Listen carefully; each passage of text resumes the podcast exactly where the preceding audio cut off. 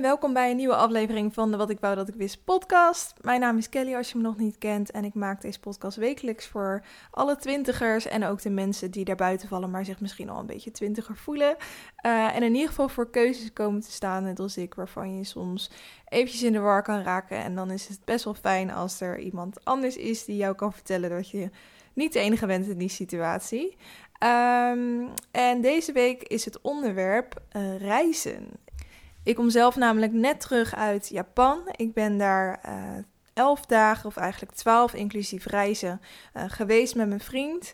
En dat is eigenlijk de eerste verre reis die ik alleen, of nou ja, als, als volwassene alleen, zeg maar, ik bedoel zonder mijn ouders, um, heb gemaakt. En uh, het leek me wel een interessant onderwerp, omdat reizen echt enorm populair ding is onder onze, ja, onder millennials en Gen Z misschien ook wel.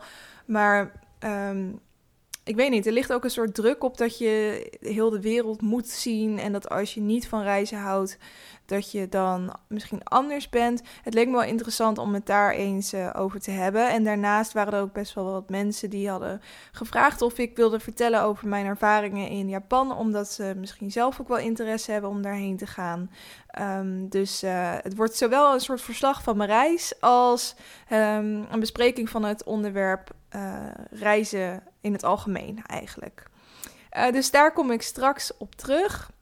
Um, er is natuurlijk wel gewoon tijdens mijn reis een nieuwe aflevering online gekomen. En dat was de aflevering over burn-outs. En uh, mijn vriendinnetje Carly was de gast en die heeft daarover verteld. Ik mocht haar alles vragen. Ik hoop dat je die aflevering hebt geluisterd. Uh, zo niet, ga hem zeker nog even luisteren. Ik denk dat ik het wel een van de mooiste afleveringen vond om te maken. Um, omdat het toch best wel een, heftig onderwerp is om te bespreken en het heel veel mensen aangaat. Uh, en ik het gewoon fijn vond om ja, over zo'n eh, ingewikkeld onderwerp toch wel een aflevering te maken die volgens mij best wel praktisch is geworden met heel veel tips. En um, ik wil ook de mensen bedanken die hem hebben geluisterd en een berichtje hebben gestuurd. Um, waarin ze dus, ja, eigenlijk complimenten gaven voor die aflevering en vooral voor de praktische tips en, en kennis die ze hebben gekregen. En ook iemand die zei dat haar vriend bijvoorbeeld um, hier nu last van heeft en dat ze door de aflevering haar vriend wat beter begreep. Nou, dat soort berichtjes vind ik super mooi om te, om te krijgen, om ook weer ja, van jullie te horen hoe die valt, zeg maar. Um, dus bedankt daarvoor als je dat hebt gedaan. En uh, ja, laten we nu gewoon vol in deze aflevering van deze week duiken. Wisten jullie trouwens dat dit aflevering 50 is van uh, mijn podcast? Echt zoveel afleveringen al gemaakt. Bizar. Ben benieuwd wat mijn honderdste aflevering wordt. gaan we hopelijk gewoon volgend jaar zien. Oké, we gaan uh, beginnen met lekker loeren. En daarin neem ik zoals altijd op een luchtige manier de week met je door. Inmiddels uh, meer dan een week, anderhalve week, tien dagen, whatever. Um, dus ik had genoeg nieuws om uit te kiezen. Maar ik heb gewoon een beetje de recentste dingetjes eruit gepakt. Het eerste is dat... Um, First Dates weer terugkeert op tv. Wat echt, First Dates is een van mijn favoriete programma's. Ik denk dat ik het vorig jaar op deze tijd ook al over heb gehad. Um, maar het is gewoon heerlijk kneuterige tv. Uh, en meekijken op een eerste date. Ik, heb het ook altijd als een vriendinnetje op een date gaat. Dan zou ik het liefst gewoon aan het tafeltje naast haar gaan zitten. Om dan mee te luisteren en mee te kijken. En dat is eigenlijk wat je nu kan doen bij first dates. Dus ik vind dat helemaal top. Ik heb me ook al heel vaak aangemeld als publiek. Soms dan, um, ik volg dan een, een Facebookpagina en dan uh, gooien ze nog wel zo'n oproepje eruit van we zoeken uh, figuranten. En dan kan je dus gewoon in het restaurant van first dates op de achtergrond gaan eten en uh, een beetje meekijken met die dates en hoe die opnames gaan. Leek mij heel leuk en het is ook nog volgens mij in Amsterdam. Dus ik had me aangemeld, maar volgens mij melden echt duizenden mensen zich daarvoor aan. Dus uh, daar ben ik nooit uit gekozen, helaas. Maar ik vind het wel heel leuk dat het weer terugkomt. Uh, eh, 7 oktober is het dus uh, weer te zien. En er is ook nog ander leuk nieuws. En dat is namelijk dat ze een Valentijnsdag special gaan uitzenden. Uiteraard op 14 februari. Met BN'ers. Um, dus ze zijn op dit moment allemaal BN'ers aan het scouten en aan het opbellen en vragen of ze mee willen doen. En um, ja, ik zag onder andere dat Giel Belen was gevraagd en die had erover verteld in zijn radioprogramma of zo. Um, en uh, nou, hij, hij lachte het een beetje uit, want hij vond het volgens mij een soort belediging of zo. Zo van, jij bent single en je hebt hulp nodig, uh, want het is niet leuk om, om single te zijn. En zo was het helemaal niet bedoeld, want hij las ook het mailtje voor wat hij had gekregen van die productie van het programma. En um, nou, ze namen het gewoon heel serieus eigenlijk. Het is ook best wel, ze doen volgens mij echt een hele goede poging om jou te koppelen aan iemand waar jij bij past. En uh, soms groeit er ook echt wel wat uit. Dus... Um, ik had het idee dat uh, Giel Belen dacht dat hij voor die Undatables was gevraagd of zo. Zo hoe hij het opnam. Maar um, ja, daardoor weten we nu wel, oké, ze zijn allemaal BN'ers aan het scouten. En ik hoop dat ze uh, ja, voldoende mensen bereid gaan vinden om ook echt uh, daar aan tafel te komen zitten. Um, ik weet niet, ik vraag me wel eens af, want ik heb het hier wel eens met vriendinnen over. Uh, vooral vriendinnen die single zijn, van zou je het doen, weet je wel? Want als je het kijkt, het is best wel leuk eigenlijk, zo'n blind date. En zeker als jij gewoon je voorkeuren aan een partij kan opgeven. Van nou, ik wil dit, ik hou hiervan, dit vind ik niet leuk, dat vind ik echt afknapper, dat vind ik wel leuk. Um, wat voor persoon zij dan voor je uit zouden kiezen. Dat is toch super leuk eigenlijk. Alleen, um, ja, wat mijn vriendinnen dan ook wel zeggen is, ik zou het ook zo doen, alleen niet op tv, weet je. Want als het echt een kutdate is, of je doet zelf iets gênants of zo, het is gewoon voor altijd vindbaar, ook op internet natuurlijk. Um, en heel veel mensen kijken naar dit programma, het is ontzettend populair, dus ik snap het ook weer wel. Maar ja, wel echt een topprogramma. Oké, volgend nieuwtje. Love Actually komt naar Netflix. Dat is denk ik echt mijn favoriete kerstfilm. Ik kan echt geen andere film bedenken die ik leuker vind dan Love Actually. En uh, ja, dat is die kerstfilm. Die komt dus naar Netflix. En die is vanaf 11 oktober uh, te zien. Dus dat wou ik ook gewoon even meegeven. Verder de rest heb ik er niet zoveel over te zeggen. En behalve dat het een topfilm is. Hij is volgens mij al best wel oud inmiddels. Misschien is hij al wel. Ja, was hij niet vorig jaar tien jaar oud? En toen hadden ze zo'n soort special gemaakt of zo. Volgens mij heb ik daar zelfs ook nog in podcast over gehad. Anyway, we gaan door naar het volgende nieuwtje. En dat is dat uh, Duitse Kroes een eigen YouTube-kanaal heeft gelanceerd. Um, Romein Strijd had dat natuurlijk ook pas gedaan. Of nou, pas alweer een jaar geleden, denk ik. Um, en dat vond ik echt heel leuk, omdat dat de eerste keer was dat een een model, ook nog eens een Nederlands model, echt een, uh, misschien is het al eerder gedaan, maar de eerste keer dat ik het zag in ieder geval, dat een model echt een kijkje geeft in uh, haar dagelijks leven. Want het ziet er natuurlijk allemaal fantastisch glamorous uit, al die catwalk shows en shoots en weet ik veel allemaal op Instagram. Maar dat, dan krijg je natuurlijk niet te zien hoe hard ze daarvoor moet sporten, hoe, hoe weinig ze daarvoor eet, hoe strikt ze moet zijn. Um, uh, en ook daarbij het thuisleven met een vriend, et cetera. Nou, ik vond haar vlog zo heel leuk, maar ik vind Duitse Kroes stiekem nog interessanter, omdat zij toch wel het, het Nederlandse model is dat het gemaakt heeft. En um, zij heeft ook nog eens een heel schattig gezin. En natuurlijk, Sunnery James is haar... Uh, zeg ik dat goed? Ja, Sunnery, Sunnery James. Ja, Sunnery James is haar man. En die is natuurlijk DJ in Nederland. En ze hebben twee super schattige kindjes. En ook die gaat ze um, gewoon in beeld brengen. Dus ze gaat heel het gezinsleven eigenlijk vloggen. En uh, ja, alles, de glitter en de glamour, maar ook gewoon ja, de, de dagelijkse dingen. En ik vind dat altijd gewoon fijn om te zien dat, ze, dat ook zij zeg maar wel eens vallen of gewoon boodschappen moeten doen. Of weet je wel, gewoon, dat maakt ze weer eventjes wat menselijker. Um, het kanaal is dus gisteren gestart volgens mij. Ik neem dit op op woensdagavond trouwens. Um, en vandaag is de eerste uh, vlog geüpload. Dus je kan al gelijk wat kijken als je uh, benieuwd bent. Um, en tot slot een nieuwtje wat ik zelf half had meegekregen toen ik in Japan zat. En um, vandaag was ik weer voor het eerst aan het werk en toen heb ik een uh, collega uitgehoord over hoe het nou eigenlijk in elkaar zat. Want als ik op de YouTube trending pagina keek, dan zag ik alleen maar dingen over YouTubers die vastzaten in Amerika. Um, waarschijnlijk weet jij nog meer van dit onderwerp dan ik, maar ik vond het gewoon gek om het überhaupt niet uh, te bespreken in dit, uh, dit lekker loere blokje. Maar er zijn dus twee YouTubers, als je het toch gemist hebt, die Govert en Ties heten.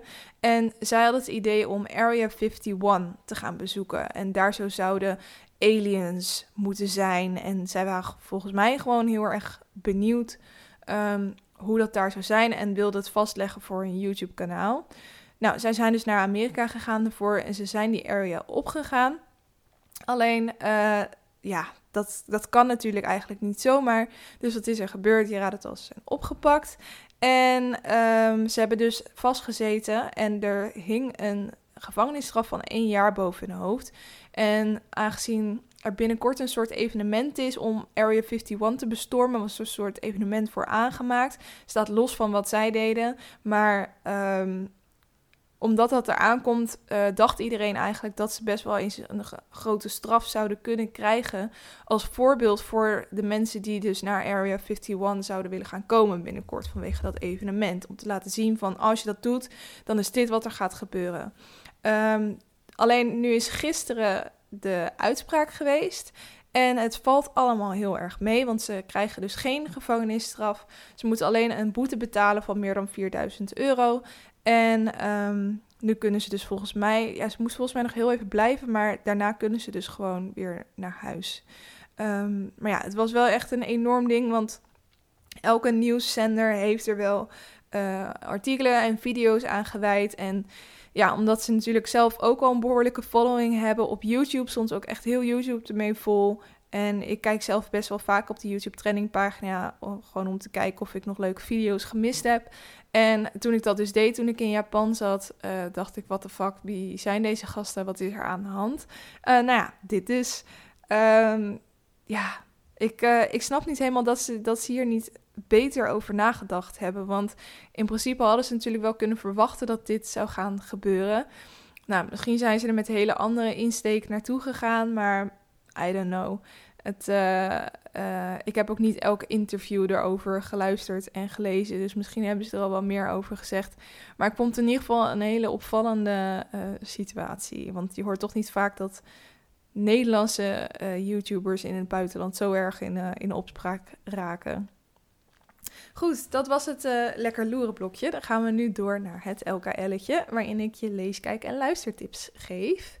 Um, de leestip uh, is dus eventjes geen boek, maar iets anders. Namelijk uh, Humans of Amsterdam. Ik weet niet of je het kent. Ik heb het idee dat het echt, nou, toen ze net startten, dat is volgens mij al meer dan vijf jaar geleden. Volgens misschien wel tien, nee, tien kan ik niet. Tussen vijf en tien jaar geleden.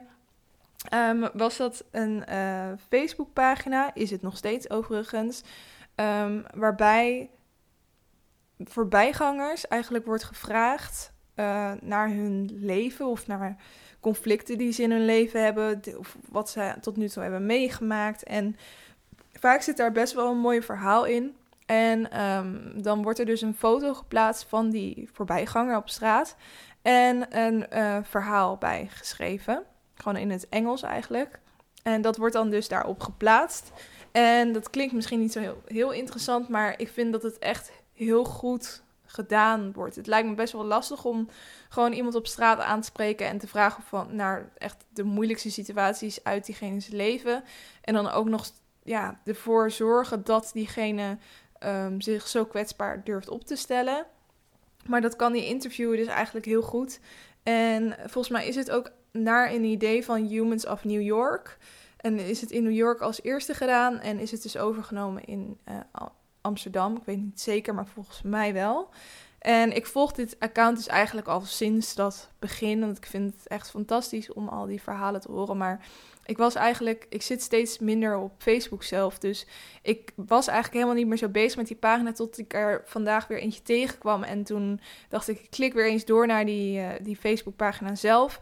En voordat ik het wist, was ik gewoon een uur lang al die verhalen van mensen uit Amsterdam aan het lezen.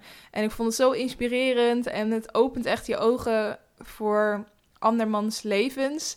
En um, wat daar allemaal in gebeurt. En het doet je ook weer beseffen dat ja, iedereen, die, de mensen met wie je in de trein zit, zeg maar, dat die uh, in, in best wel lastige situaties kunnen zitten zonder dat jij het door hebt, weet je wel. Dat is, dat is altijd wel goed om te beseffen, vind ik in ieder geval. Um, dus ik ben ze nu ook maar op Instagram gaan volgen, Humans of Amsterdam, omdat ik uh, daar toch wel wat meer op zit en dan uh, krijg ik die verhalen weer allemaal lekker mee. Dus uh, lijkt je dat interessant, dan kan je dat account volgen op Facebook of op Instagram. Misschien zit ze ook wel op Twitter, ik heb geen idee. Ehm, maar in ieder geval op Instagram en uh, op Facebook. Zei ik dat net? Facebook? Instagram en Facebook. Ehm, dan gaan we door naar de kijktip. Nou, ik heb ontzettend veel gekeken afgelopen tijd. Omdat ik natuurlijk 11 uur heen en 11 uur terug in uh, een vliegtuig zat. En we hadden een fantastische entertainment set van eh, KLM. En daar zaten ontzettend veel films en uh, series op. Dus ik heb me nou ja, hartstikke goed kunnen vermaken eigenlijk. Dus ik heb volgens mij iets van vijf films gezien of zo. En vooral op de heenweg, want dan kies je natuurlijk films die het allerleukst lijken. En de terugweg pak je degene die je nog niet hebt gezien, maar ook wel leuk vindt. Um, vooral op de heenweg heb ik dus echt hele goede films gezien. De eerste is The Sun is Also a Star. En dat gaat eigenlijk over een meisje um, in New York. En zij woont al jaren in New York, maar ze is daar niet uh, geboren. Um, haar gezin wordt uitgezet. En eigenlijk heeft ze nog één dag om ervoor te zorgen dat haar gezin alsnog daar zo kan blijven. En je ziet dus die dag, hoe die verloopt. En op die dag komt ze een, een, jongen tegen en die jongen is eigenlijk op slag verliefd op haar. En die gaat proberen haar hart te winnen. Maar zij wil dat natuurlijk niet, omdat ze weet dat de kans heel groot is dat ze de volgende dag weg moet. Um, en eigenlijk gaat die film helemaal over die dag. Dus je wordt helemaal in, in die dag meegenomen. En ik vond het heel romantisch en, en lief. En, um, maar ook weer niet, zeg maar, slechte romcom. Absoluut niet. Ze zaten echt ook wel... Het zijn allebei hele intelligente mensen. Dus ze hadden ook hele... Oh, oeps, dat was mijn mobiel. Um, het waren ook hele interessante uh, conversaties die ze allemaal hadden. Dus daar hou ik wel van, van dat soort films. Dus die was heel goed. En de ander was The Hate You Give. Um, volgens mij heb ik wel eens eerder op Instagram gevraagd um, of ik dat boek voor de boekenclub moest doen, omdat ik dus wist dat er net ook een film van uit was. En uh, vaak is het zo dat als ik een film heb gezien, dat ik het boek niet meer wil lezen. Ook al weet ik dat heel veel mensen zeggen dat het boek altijd beter is dan de film. I know, I know, I know.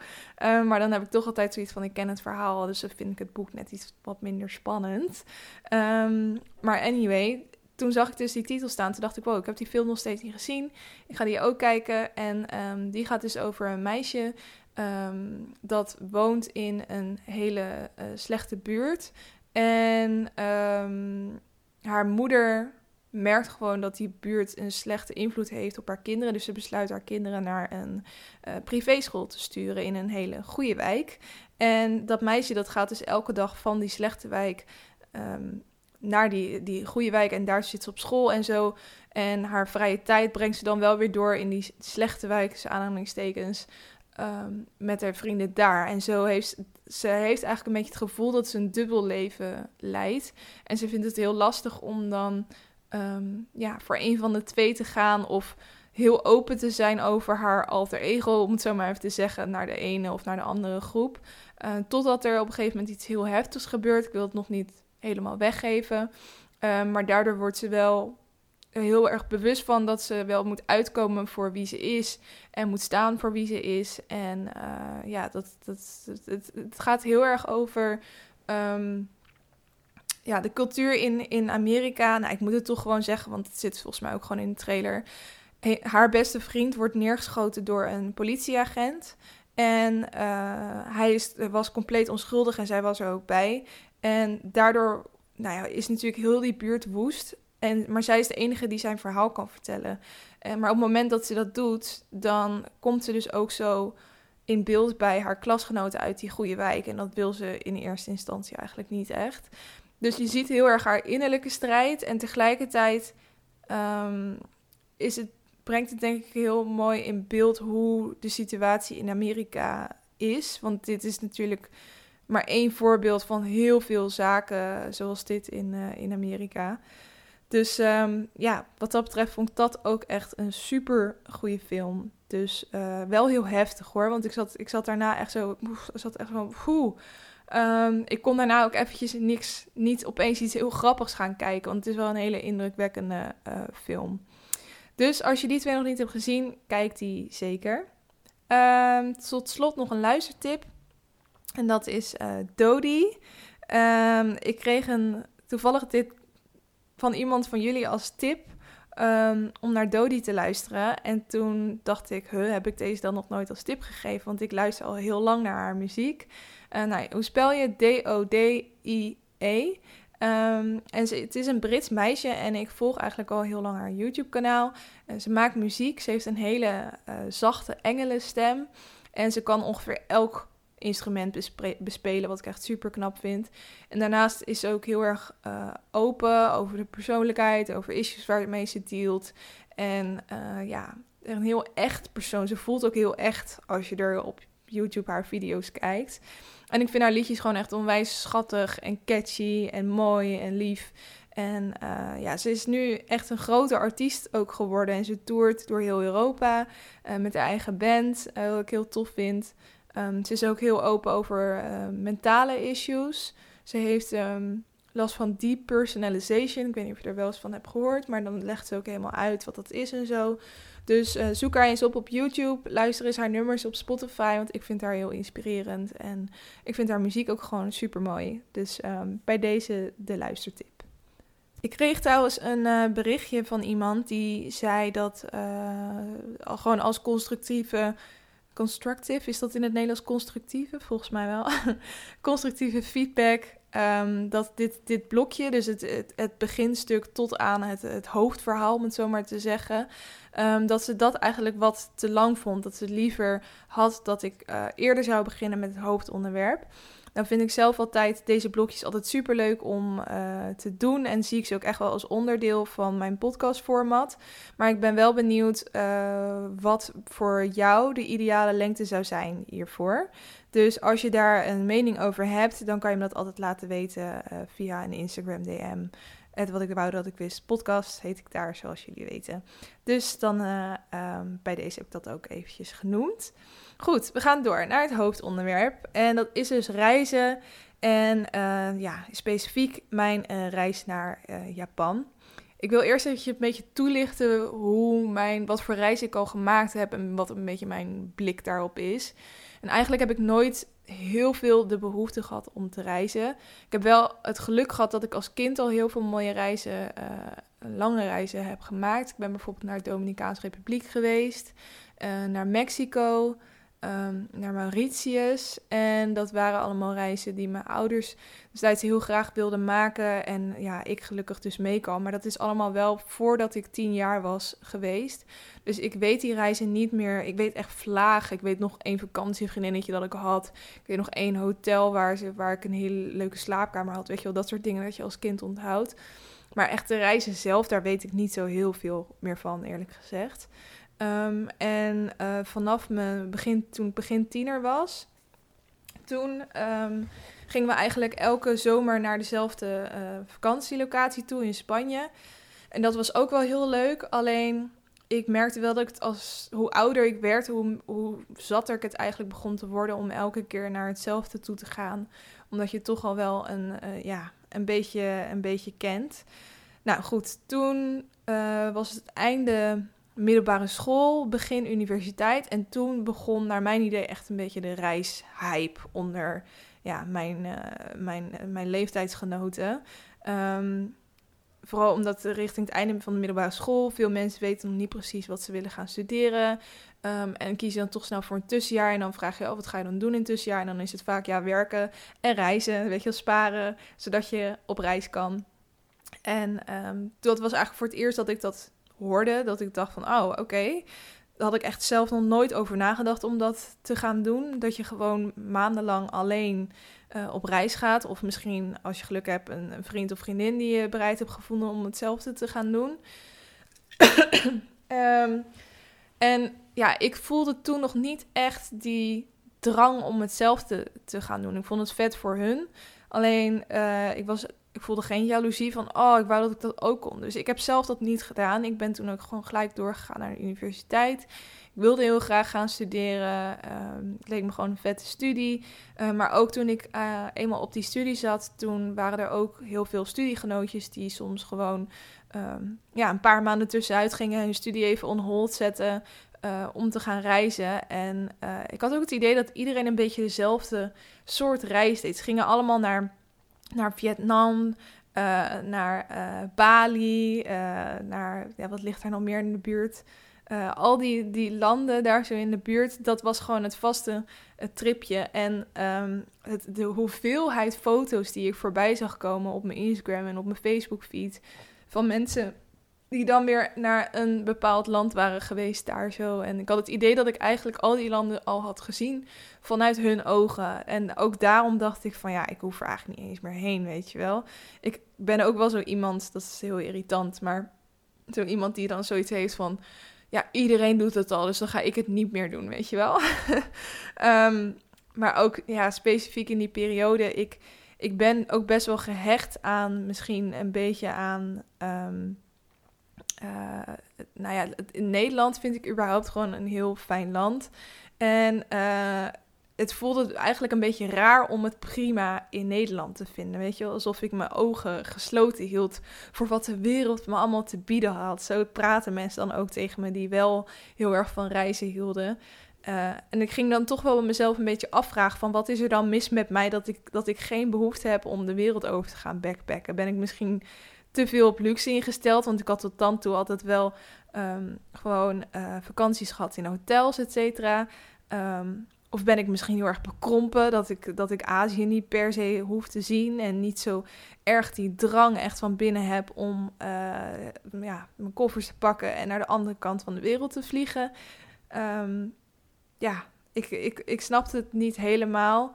Maar ik dacht ook weer van ja, ik weet hoeveel geld dit allemaal kost. En um, ik wil gewoon dat geld besteden aan toffe dingen doen hier tijdens mijn studie in Amsterdam.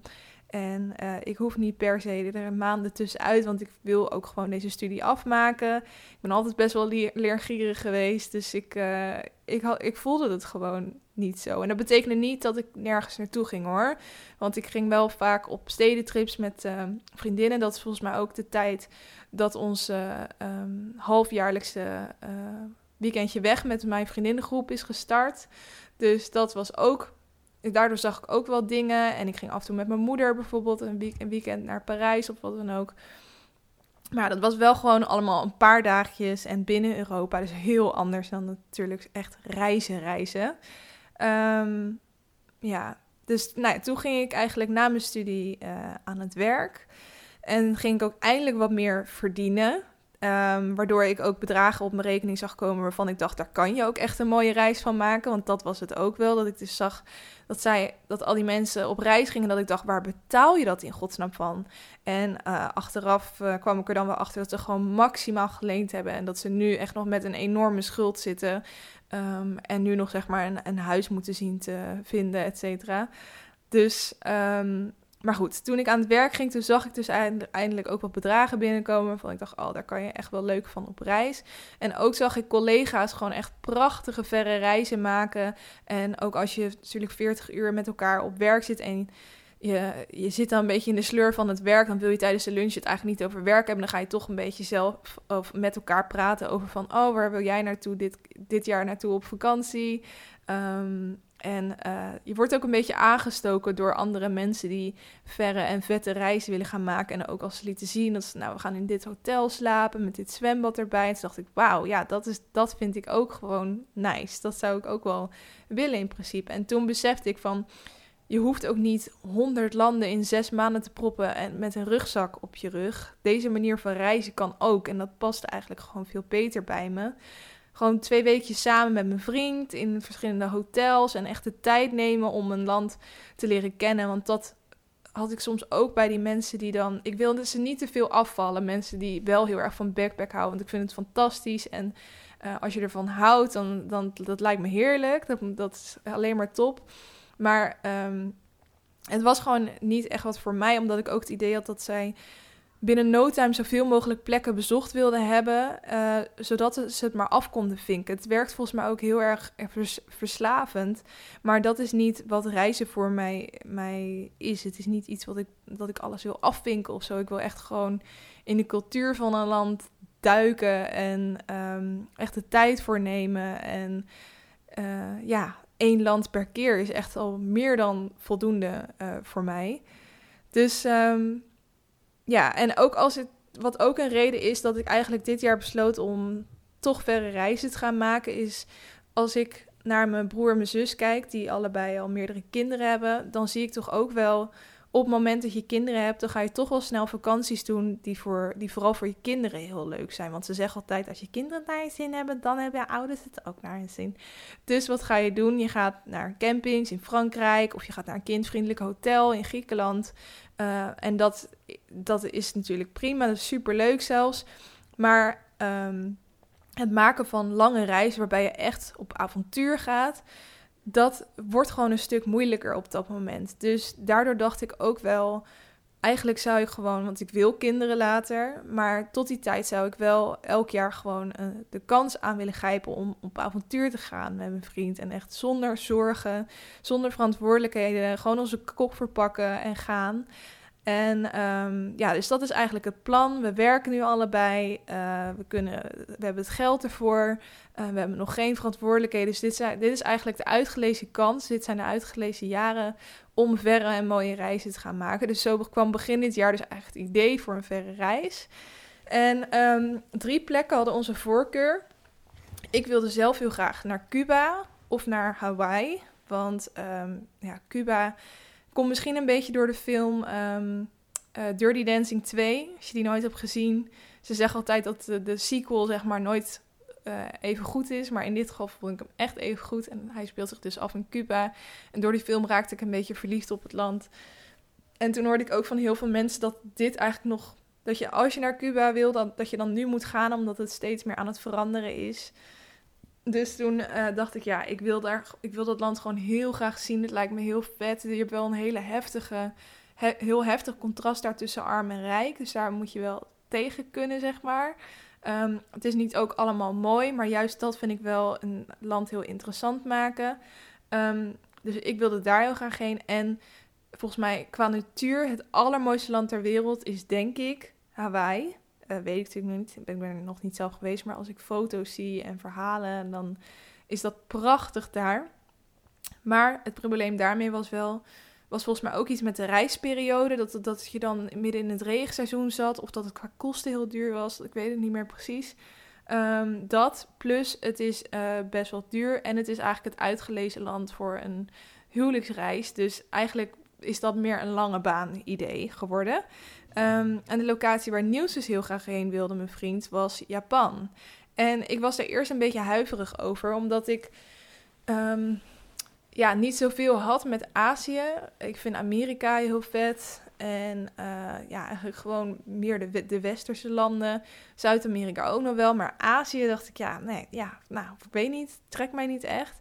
Maar uiteindelijk heeft, het, heeft hij me toch wel weten te overtuigen. Um, want hij zei ook van, het is juist een stof om, uh, ja, om echt iets compleet anders te doen dan wat we tot nu toe hebben uh, gedaan. En um, ja, meer zo'n soort land te gaan ontdekken dan weer een heel mooi land waar je weet dat alles mooi en perfect is, zoals Hawaii bijvoorbeeld. En we zijn ook vorig jaar naar het Griekse eiland Santorini geweest en dat ook, was ook allemaal heel mooi en perfect. En dit is misschien wat rauwer. Dus nou ja, toen dacht ik, ja, er zit ook wel wat in. Dus we gaan daar gewoon, uh, gewoon voor. En toen hebben we eigenlijk gelijk tickets geboekt.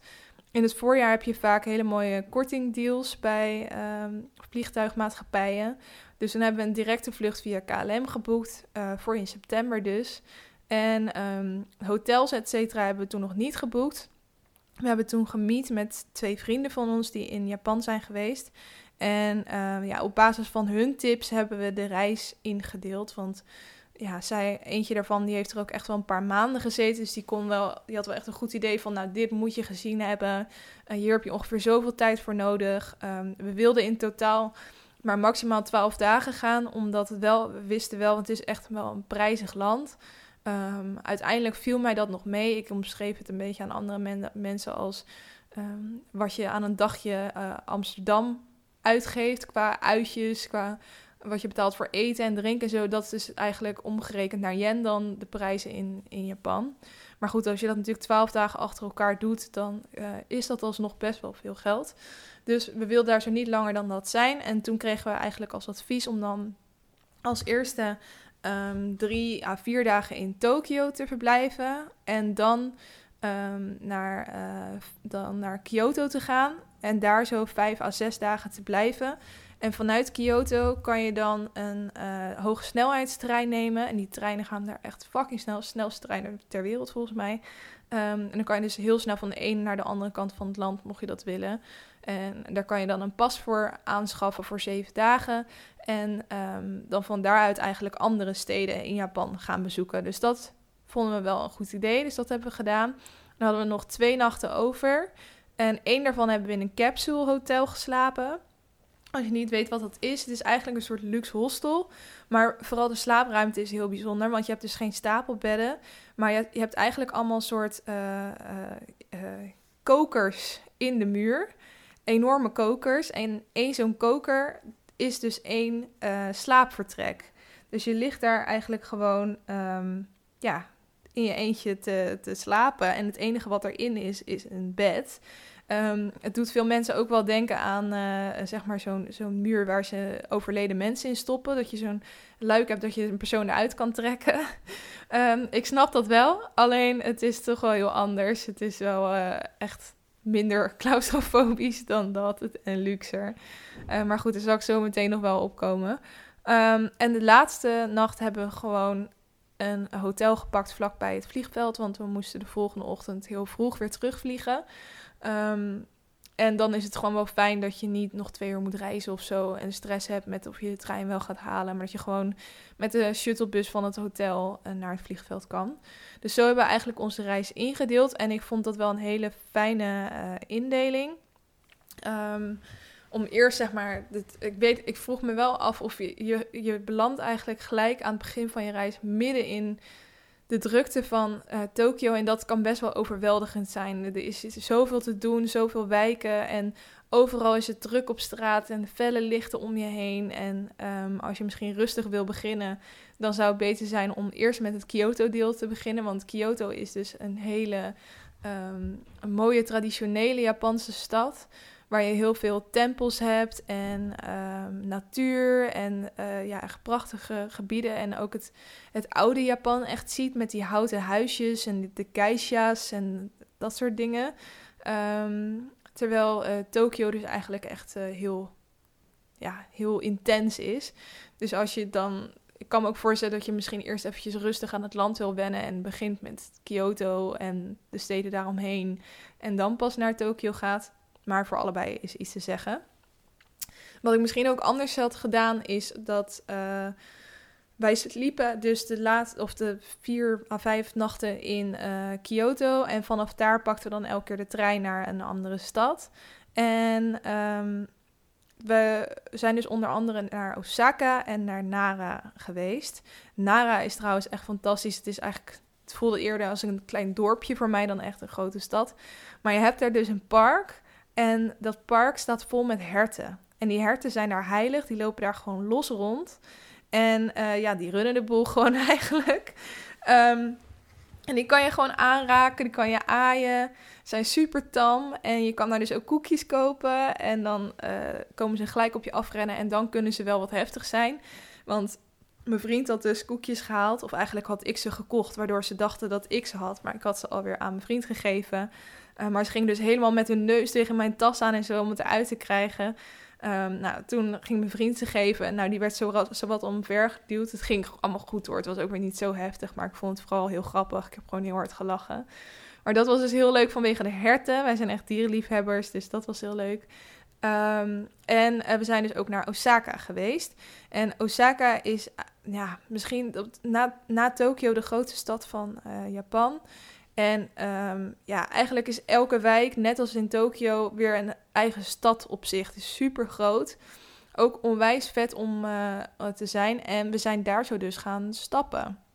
Het was heel leuk. We hadden een pubcrawl gedaan. Uh, dus eigenlijk vooral met toeristen hoor. Dus het echte Japanse uitgaansleven hebben we niet gezien. Alhoewel, we eindigden uiteindelijk in de grootste uh, club van Osaka. En dat heet Giraffe. Giraffe. Giraffe. En um, daar zagen we wel heel veel uh, Japanners. Er was ook één zo'n vloer. En daar draaide dan een, uh, ja, een, een, een, DJ, een vrouwelijke DJ met een... Uh, ja, die was gewoon volledig verkleed als anime-figuur. die had echt zo'n blauwe pruik op en de make-up zo gedaan en zo'n outfitje aan. En er waren iets, zij draaide ook hele heftige, snelle Japanse muziek. Echt een soort house-achtig of zo. En er stonden een stuk of vijf mensen voor haar. En die waren aan het gillen en aan het springen. En die vonden het helemaal fantastisch. Het was echt de muziek. Nou, toen stond ik echt zo naar te kijken van, wat is dit? Dus dat vond ik wel heel grappig. Toen dacht ik, oké, ja, dit is wel echt typisch Japans. Ehm, maar de andere vloeren waren dan wel weer gewoon ja, westerse muziek, zeg maar. En veel toeristen, uh, et cetera. Ehm, maar eigenlijk had het beter geweest als we dan in uh, Osaka hadden ge, uh, gezeten met ons hotel. En dan vanaf Osaka elke keer naar een ander, ja, andere stad waren geweest. Zoals bijvoorbeeld Kyoto. Want Kyoto is wel echt een rustige stad, merkten we. Het is gewoon heel mooi en traditioneel, wat ik al zei. Maar s'avonds is er niet zo heel veel uh, te doen.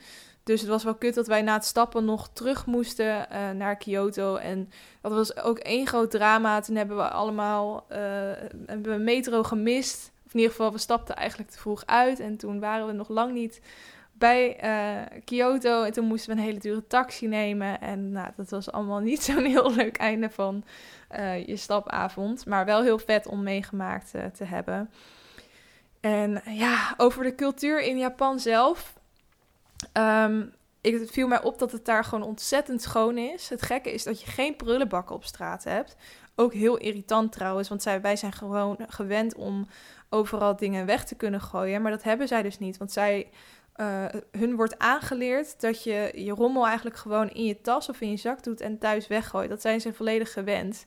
En dat uh, uh, ja, zijn wij niet. Dus wij dachten echt, oké, gek, er staan nergens prullenbakken en er ligt ook nog eens nergens troep op straat.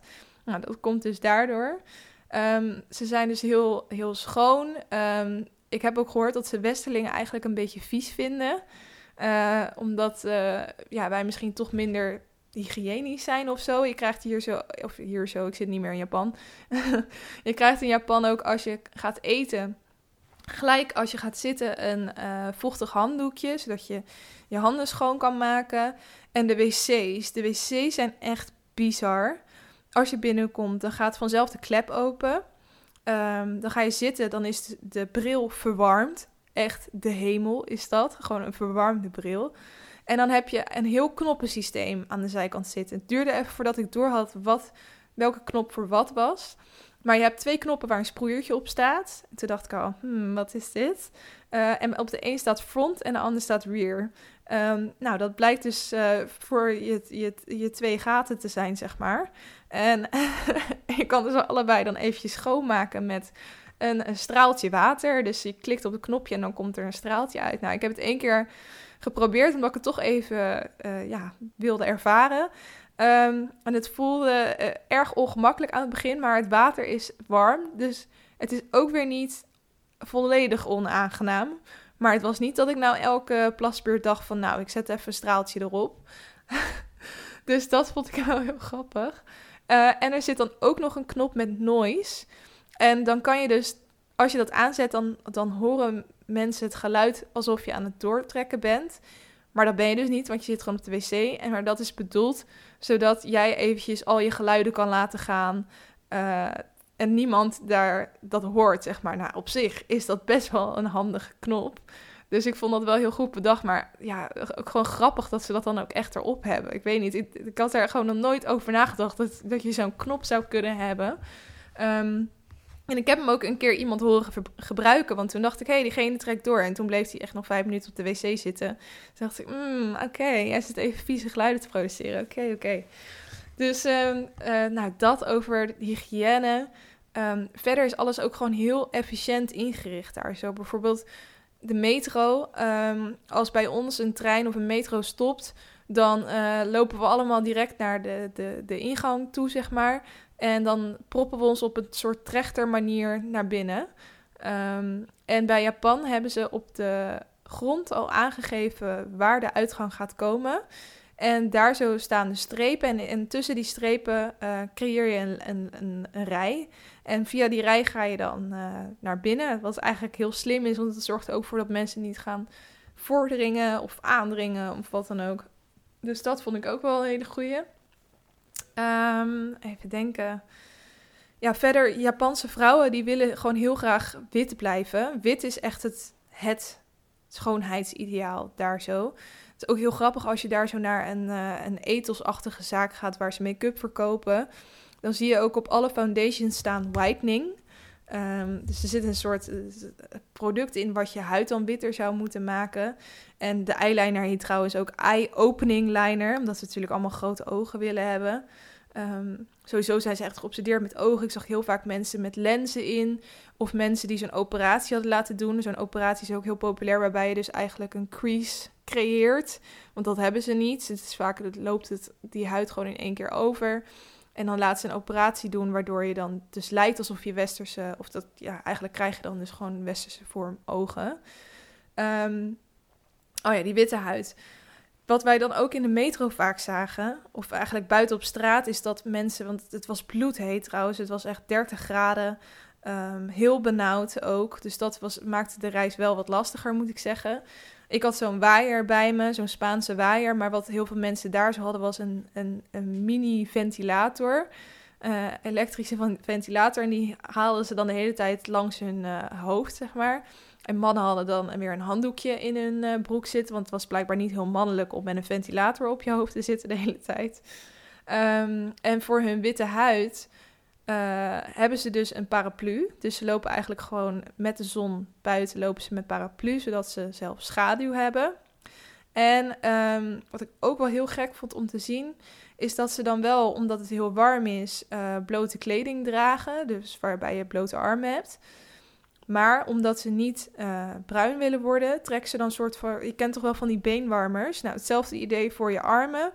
Um, dus met een gat voor je duim, zeg maar. Alleen dan van hele dunne zwarte stof. Die trekken ze dan over hun armen heen aan. Als ze buiten zijn, zodat die niet uh, bruin worden. En het kan ook tegen zonneallergie zijn natuurlijk. Um, dat is niet het enige dat ze bedekken. Ze hebben ook een. Uh, um, heel vaak hebben ze zo'n operatie, zeg maar, zo'n zo'n zo'n mondkapje. Wat, wat je vaak ziet dat chirurgen hebben. Dat dragen zij gewoon op straat en in de metro en uh, nou ja, gewoon in het openbaar. En dat kan aangeven dat ze zelf bijvoorbeeld verkouden zijn, maar het kan ook zijn dat ze bang zijn dat ze aangestoken worden door andere mensen. Of dat ze hooikoorts hebben en dat niet, uh, geen pollen binnen willen krijgen. Maar daar dient dat dus voor. Maar de eerste keer dat je dat ziet, denk je echt van... Huh, is iedereen hier doodziek of zo? Want ook dat zie je natuurlijk nooit in Nederland. Dus dat waren eigenlijk allemaal dingen... waardoor ik echt eventjes moest schakelen van oké, dit is blijkbaar normale dagelijkse leven hier. En dat, dat vind ik vooral heel leuk om mee te maken in zo'n ander land aan de andere kant van de wereld. Het is natuurlijk super mooi om al die prachtige tempels te zien en die verschillende wijken te ontdekken in, in Japan. En ik heb ook het Hashi-standbeeld gezien. Als je die film hebt gezien, Hashi, dan weet je, oh, dat arme beestje. Um, even kijken, we hebben ook ja, heel veel andere vette dingen gezien. We zijn ook naar een museum geweest. Team Lab Borderless. Dat moet je maar eens googlen. Dat is zo'n insane museum. Het gaat over digitale kunst. Dus overal om je heen zijn constant projecties. En je hebt dan verschillende kamers. En die projecties zijn echt zo goed gedaan. En die bewegen ook de hele tijd. En uh, we gingen op een gegeven moment, kon je daar dan ook groene thee drinken. En in jouw kopje ontstond dan de projectie van, nou ja, stond, stond dan een bloem en die bloem werd steeds groter en dan vielen dan weer blaadjes af. En als je je kopje ergens anders neerzette, dan ontstond daarin weer een nieuwe bloem. Ja, het was ontzettend vet gedaan, dus dat vond ik ook wel heel cool. Um, even denken hoor, Hert had ik verteld. Um, oh, we zijn ook nog naar Shinjuku geweest. En dat is dus eigenlijk de wijk uh, voor de jonge tieners van Japan. Misschien heb je wel, zei Shinjuku? Ik bedoel Harajuku. Uh, Juku, Juku. Um, Harajuku is, misschien ken je die naam wel, dat is ook een kledingstijl wat eigenlijk heel schattig is. Een beetje alsof je als een pop verkleed bent. Uh, en je kan dan ook gothic Harajuku zijn, dus dan heb je, zie je eruit als een pop, heel schattig, maar dan wel alles zwart en emo. Um, en daar heb je dus een hele straat van. Hebben ze ook van die fotobooths. Waar je dan, uh, als je op de foto gaat, gelijk grotere ogen krijgt. Roze wangetjes. Heel grappig is dat. Um, en dat vond ik wel heel leuk. Ik denk, wat ik nog meer allemaal gezien? Ja, het is echt te veel om op te noemen. Ik heb mijn reis ook bijgehouden via uh, Polar Steps. Ik had daar zelf dus nog nooit van gehoord. Maar hij is blijkbaar echt iets wat mensen al jaren gebruiken. En het liep er een beetje achter. Ehm, maar het is een, als je het ook nog niet kent, het is een, uh, een, een, systeem, een, een, website, een app. Ik had dan een app op mijn mobiel geïnstalleerd, waarbij je heel makkelijk um, een reisverslag kan schrijven. Dus je kan dan een automatische GPS-tracker aanzetten. Dus die houdt er gewoon bij wanneer je op welke plek was. En dan um, geeft hij af en toe ook meldingen van. Dan ziet hij bijvoorbeeld dat je uit Tokio bent vertrokken. En dan zegt hij: uh, Wat vond je tof in Tokio? Nou, dan klik je dat aan. En dan kan je een nieuwe stap toevoegen eigenlijk. Dus dan zet je hem vast op een datum en de plek waar je was. En dan kan je foto's uploaden en er een verslagje bij typen. En dat heb ik dus elke dag gedaan. En nu heb ik een super mooi overzicht van onze reis. En uh, ja, je vergeet, je maakt zo ontzettend veel mee. Dus je gaat geheid dingen vergeten. En ik vind het zo fijn dat ik nu gewoon dat heb om op terug te kijken. Heel mooi verslag van alles. En ik had het linkje ook gedeeld met vrienden en familie. En die vonden het ook uh, een aantal in ieder geval heel leuk om mee te lezen. Dus dat vond ik ook wel leuk. Want anders gaan mensen toch vragen van ja, en hoe was je reis? En ik merk het nu ook al met vertellen. Het is onmogelijk om alles te vertellen. En je weet niet eens waar je moet beginnen met zo'n reis. Ehm, dus dat is wel echt een tip als je nog een verre reis gaat maken en je wil gewoon uh, op een makkelijke en mooie manier uh, verslag van leggen, dan is Polar Steps een, uh, een hele goede. Um, maar ja, eigenlijk vond ik het dus het vetste om gewoon het dagelijks leven te zien van die mensen in Japan. Want je ziet echt, zeker als je gewoon zelf daar vaak met de metro of met de trein gaat, veel op straat loopt. Um, dan, dan merk je gewoon hoe mensen hun leven daar leven. En eigenlijk besef je niet dat er mensen aan de andere kant van de wereld op dit moment misschien net zo'n kutdag of topdag hebben als jij. Dat ze hun boodschappen doen, dat ze struikelen over een steentje, dat ze ruzie hebben, dat ze verliefd zijn. Uh, en ja, dat vind ik gewoon een heel grappig besef of zo. Het, het, wordt opeens heel tastbaar, uh, het leven in Japan, als je er eenmaal zelf rondloopt en ziet hoe uh, de mensen daar zijn en hoe ze leven. Um, uh, er is een, een woord en het heet uh, zonder. Met een, is eigenlijk het woord zonder uit het Nederlands, maar dan met een S geschreven. En dat woord betekent the realization that each random passerby is living a life as vivid and complex as your own. En ik heb dat woord echt, nou, denk tien jaar geleden voor het eerst gehoord. En dat is me gewoon altijd bijgebleven, omdat ik dat een van de meest indrukwekkende ervaringen vind vaak als ik erachter kom dat iemand anders, ehm, ja, gewoon in de trein of weet ik, weet ik veel, gewoon mensen op straat of zo, dat je dan als je, nou, eigenlijk past het heel goed bij Humans of Amsterdam ook. Dat iedereen die, waar je langs loopt eigenlijk zijn eigen verhaal heeft, zijn eigen levensverhaal, zijn eigen problemen waar die mee moet dealen. En uh, dat maakt het leven heel leuk en interessant, vind ik. Dus als ik ooit een tatoeage zou nemen, dan zou het misschien wel van dit woord zijn. Maar uh, laat het mijn vriend maar niet horen, want hij wil heel graag dat ik een tatoeage neem. dus dat, uh, uh, nee hoor, ik stel dat nog even uit. Maar ik heb wel altijd dat woord gehad. En dat is denk ik heel toepasselijk voor dit onderwerp ook. Um, dat je, en, het leuke aan reizen ook om een andere cultuur te zien en um, ja, een, indruk te krijgen van hoe het leven daar gewoon is. En ik denk dat dat ook het leuke is aan bijvoorbeeld Airbnb. En wat ook wel de reden is dat ik ooit misschien ergens anders ter wereld een langere tijd zou willen wonen.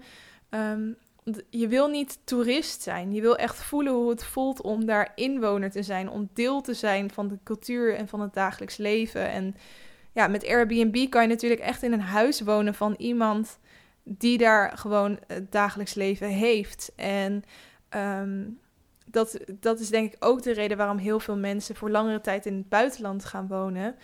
Is om gewoon te ervaren hoe het is om daar um, ja, te wonen en echt een inwoner uh, te zijn. Want natuurlijk is het als toerist superleuk, uh, maar je gaat wel, dat hebben wij ook gedaan deze reis, je gaat wel gewoon alle toeristische uh, dingen af en je ziet alleen maar highlights en als ik hier zo in Amsterdam ben, dan zit ik niet elke dag in het Vondelpark of het Anne Frankhuis of in Artis. Weet je, dat is, dat, dat is niet het dagelijks leven. En je maakt ook niet mee, um, ja, gewoon de, dagelijkse uh, dingen en de cultuur echt. De cultuur vind ik het allerinteressantst aan een land.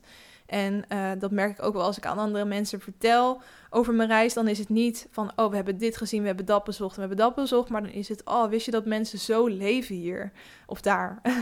ik spreek nog steeds over hier. Ik heb nog steeds het gevoel dat ik in Japan ben, blijkbaar. Um, maar ja, dat vind ik gewoon heel mooi aan. En dat heeft wel een beetje mijn, uh, uh, ja, iets in mij aangewakkerd, denk ik. Waardoor ik nu nog meer, nog zekerder weet dat ik elk jaar wel echt een, een toffe verre reis wil maken naar een compleet andere cultuur. En daarvan te proeven. Um, maar nog steeds niet de behoefte heb om een half jaar op wereldreis te gaan met een backpack. Dat, dat weet ik wel. niks te nadelen van mensen die dat wel doen. Zoals ik al zei, ik wil echt geen shade doen of wat dan ook. Um, maar ja, voor iedereen is er weer een andere manier en iedereen heeft weer eigen voorkeuren. Dus uh, dat eigenlijk voor deze aflevering. Um, als je vragen hebt over Japan, ik, het is echt onmogelijk om nu alles te vertellen. Dus stuur me dan gewoon een DM. Er waren volgens mij ook wat mensen die nog zelf naar Japan op reis willen. Uh, en ik kan me ook voorstellen dat je dan misschien uh, al vragen hebt over hoe je bepaalde dingen moet aanpakken of uh, hoe dat daar gaat. Um, dan kan je me gewoon eventjes een DM sturen en dan leg ik het je heel graag allemaal uit. En ik vind het ook leuk om te horen hoe jij denkt over reizen, of jij er al veel hebt gemaakt, of jij wel heel erg van backpacken houdt. Wat je ervan vindt dat het zo'n ding is dat je maar per se op reis moet. Want um, ja, ik doe, dat, ik doe dat ook, maar ik kan me ook voorstellen dat mensen helemaal niet van reizen houden. En dat, dat is ook doodnormaal. Um, dus ja, let me know. Uh, je kan altijd uh, contact met me zoeken via Instagram, wat ik wel ook wist, podcast. Goed, dat was de aflevering uh, voor deze week. ik eindig nog wel eventjes met een leuke doetip. Um, ik weet niet of ik dit wel eens heb gezegd, maar mijn aller, aller, aller favoriete seizoen is de herfst. En ik ben zo blij dat de herfst er nu, ja, eigenlijk is die er al gewoon voor mijn gevoel. Eigenlijk is het in mijn hart al herfst. het moment dat ik het vliegtuig uitstapte. Want ja, in Japan was het gewoon nog hartje, hartje zomer natuurlijk. Het was 30 graden. Soms één dag was het zelfs 34 graden. Niet te doen.